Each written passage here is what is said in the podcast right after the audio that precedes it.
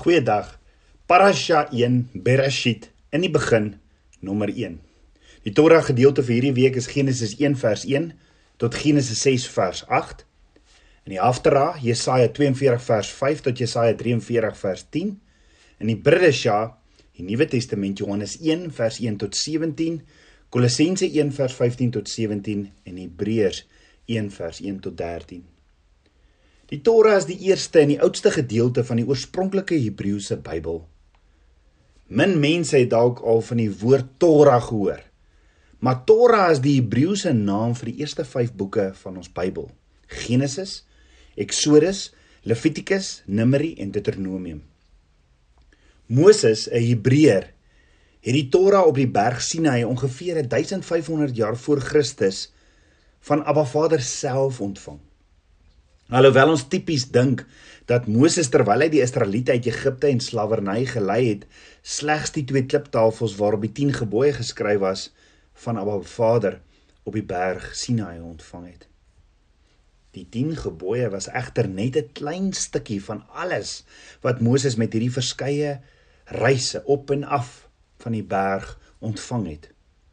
Moses het in werklikheid die eerste 5 boeke van wat ons die Pentateeg ook noem ontvang. Torah is 'n woord wat jy nie in ons moderne Bybels sal vind nie. In die algemeen vind jy vandag die woord wet waar die woord Torah in die oorspronklike Bybel verskyn het. Hoekom word die woord Torah nie meer in ons Bybels genoem nie?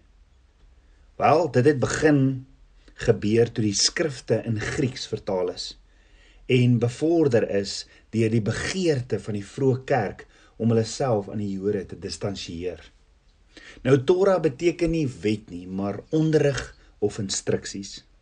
Met ander woorde, die Torah is Abba Vader, skepper van hemel en aarde se handleiding, selfs geskryf self geskryf deur 'n instrument in Abba se hande om my en jou te help op ons lewenspad vorentoe hier op aarde. Die bestudering van die Torah op 'n daaglikse siklusbasis gaan al vir duisende jare aan die heel laaste opdrag wat wat Moses aan Joshua en die volk gegee het voordat hy die aarde verlaat het was dat hulle die Torah moes ter harte neem.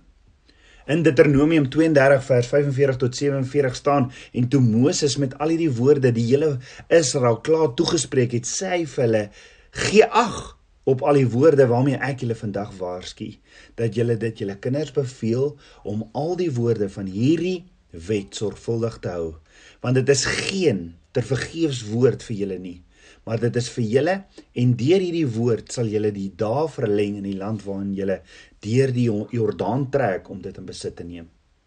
So jare later het geleerdes die hele Torah toe in 54 porsies gaan opdeel sodat dit 'n bestudering van Abba Vader se woord is reg deur die jaar. En hoe amazing is dit? Byvoorbeeld, die porsie vir hierdie week is van Genesis 1 in die Torah tot Genesis 6 vers 8.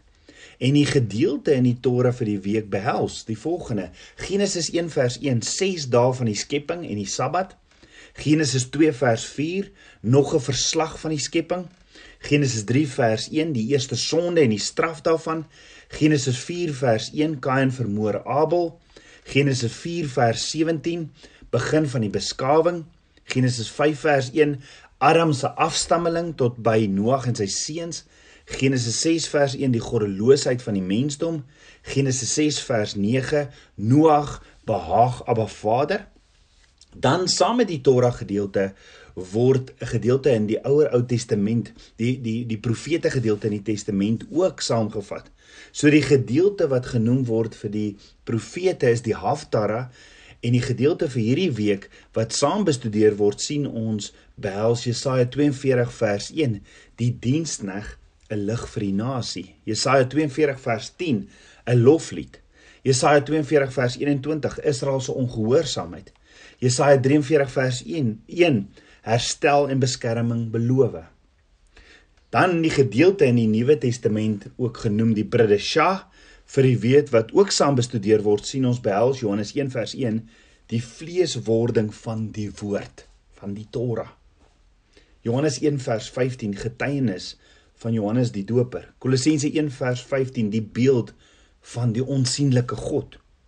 Hebreërs 1 vers 1 voortreffelikheid van Yeshua. So die vraag is: as Moses die volke opdrag gegee het om die woorde van die Torah sorgvuldig te hou, hoe het almal dan 'n Torah bekom? Want onthou daar was nie printers of koemboeke op daardie stadium nie. Hoor gaga. Selfs as ons kyk hoe die Torah, die eerste 5 boeke in die woord geskryf is, sien ons 'n tipologie van ons verlosser Yeshua en dit wat Yeshua was van die begin af. Alles alles gaan oor Yeshua. So in die maak van die oorspronklike Torah het dit hulle 5 na 6 jaar geneem om die 5 boeke oor te skryf in Hebreëus in Hebreëus want ja, daar was nie drukkers nie. 'n Wetgeleerde moes dit oorskryf. Die eerste 5 boeke was handgeskryf deur 'n deur 'n baie hoë geleerde op omtrent 80 skaapvelle. Met ander woorde, om 'n afskrif van die Torah te kon gehad het, moes jy 80 skape kry en dan het dit verder 5 jaar geneem om jou Torah klaar te kry. Jy moet dan ook sekerlik hierdie geleerde betaal het vir sy werk vir die 5 jaar dan nie. So hierdie skaapvelle was geweek in water en alle hare was verwyder om 'n sagte gladde vel te maak vir die skrywer om op dit te skryf. Hierdie vel was dan gereg op 'n houtraam om uit te droog. As hierdie vel uitgedroog was, was dit uitgesny in reghoekige velle vir skryfdoeleindes. Die skrywer het dan reguit lyne oor die velle getrek om op te skryf. Die lyn wat getrek was het dieselfde gelyk as wat jy jou naal vat en jy trek 'n lyn op 'n stuk papier. Die ink was vars voorberei elke dag deur 'n kombinasie van poeiermelk, gal, neute, kopersulfaatkristalle, Arabiese gom en water. Die skrywer sou dan die letters van die Torah een vir een skryf en terwyl hy die letters skryf, sou hy die letterlik sou hy letterlik hardop uitsing die letter om te voorkom om 'n fout te maak. Hy sou die hele tyd die letters sing tot hy die een letter klaar geskryf het en dan sou hy met die volgende letter begin het. As hierdie skrywer een fout gemaak het, sou die hele skrol weggegooi word en dan het die hele proses weer oorbegin.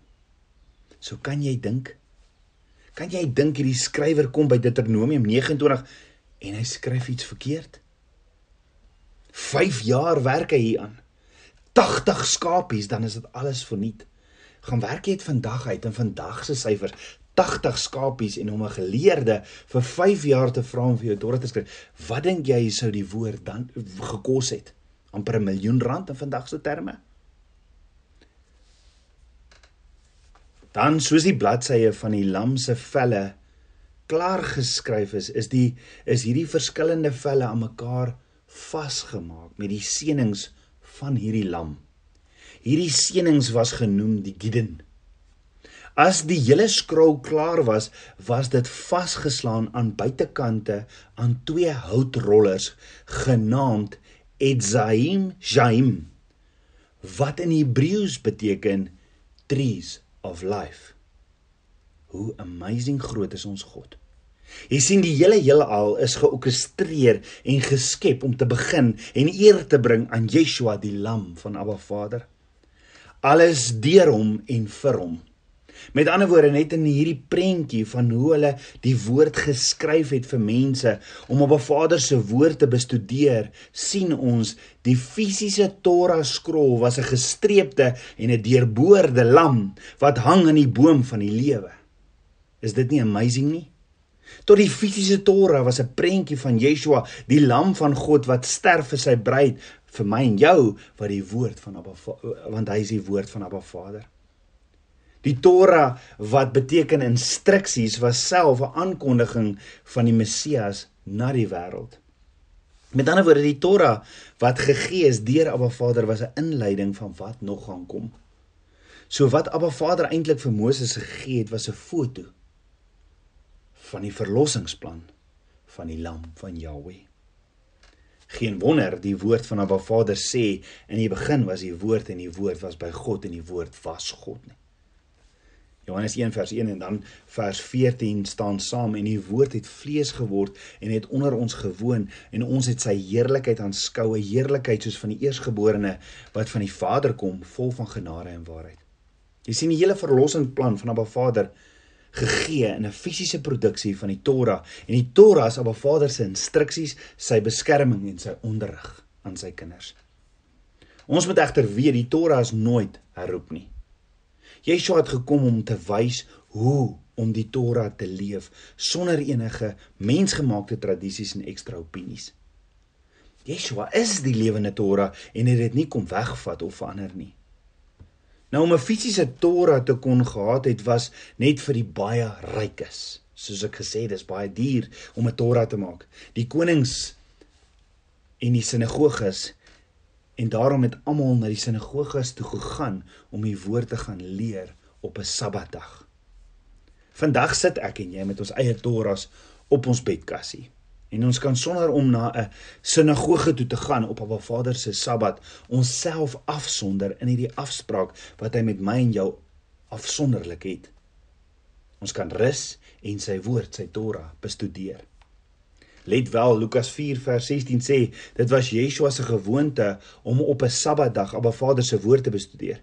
En ons weet Yeshua het nooit ooit vir sy disippels gesê om sy voorbeeld en dit wat hy gedoen het te ignoreer nie. Yeshua het nooit gesê moenie doen wat ek doen nie. Nee, Yeshua sê in Johannes 12 vers 26, as iemand my doen, laat hom my volg en waar ek is, daar sal my dienaar ook wees. En as iemand my dien, sal die Vader hom eer. So in ons pad van heiligmaking volg ons Yeshua. Ons begin dink soos Yeshua en word vra vir Vader om ons meer en meer soos Yeshua te verander. Jy sien die hoogste vorm van aanbidding is as ons 'n Vader se woord bestudeer. Dit mediteer en dit bepeins. Net soos al die ander Hebreëse seentjies van Yeshua se tyd het Yeshua die Torah uit sy kop geken en moes hy tydens sy bar mitzwa op die ouderdom van 13 die spesifieke Torah porsie wat op daardie dag in die sinagoge was gelees of voorsê. In Lukas 2 vers 46 tot 47 sê en na 3 dae het hulle hom in die tempel gevind terwyl hy in die midde van die leraars sit en na hulle luister en hulle uitvra en almal wat hom gehoor het was verbaas oor sy verstand en sy antwoorde. Met ander woorde, dit was oor die uitleg van die woord wat Yeshua almal verstom het, nie oor die feit dat hy die Torah porsie uit sy kop geken het nie. Toe Yeshua jare later in Nasaret kort voor sy kruising kruisiging gestaan het en uit Jesaja 61 gelees het, was dit nie sommer 'n gedeelte deur homself gekies nie, maar dit sou die betrokke Haftorah porsie, die gedeelte uit die boek van die profete wees wat deur die hele gemeenskap op daardie tyd gelees sou word. Dis verskeie, daar is verskeie bewyse in Abba Vader se woord dat Yeshua ook in sy tyd hier op aarde hierdie Torah siklus of porsies gevolg het.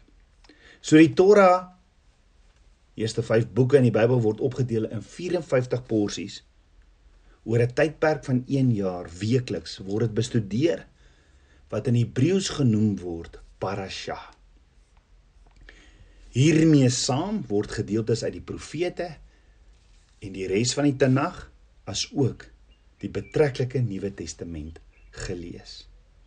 Kom ons bid saam. Aba Vader, skepper van hemel en aarde, skepper van my hart. Ek loof en ek prys U. Vader, meer en meer van U vars manna. Dankie dit alles gaan oor Yeshua.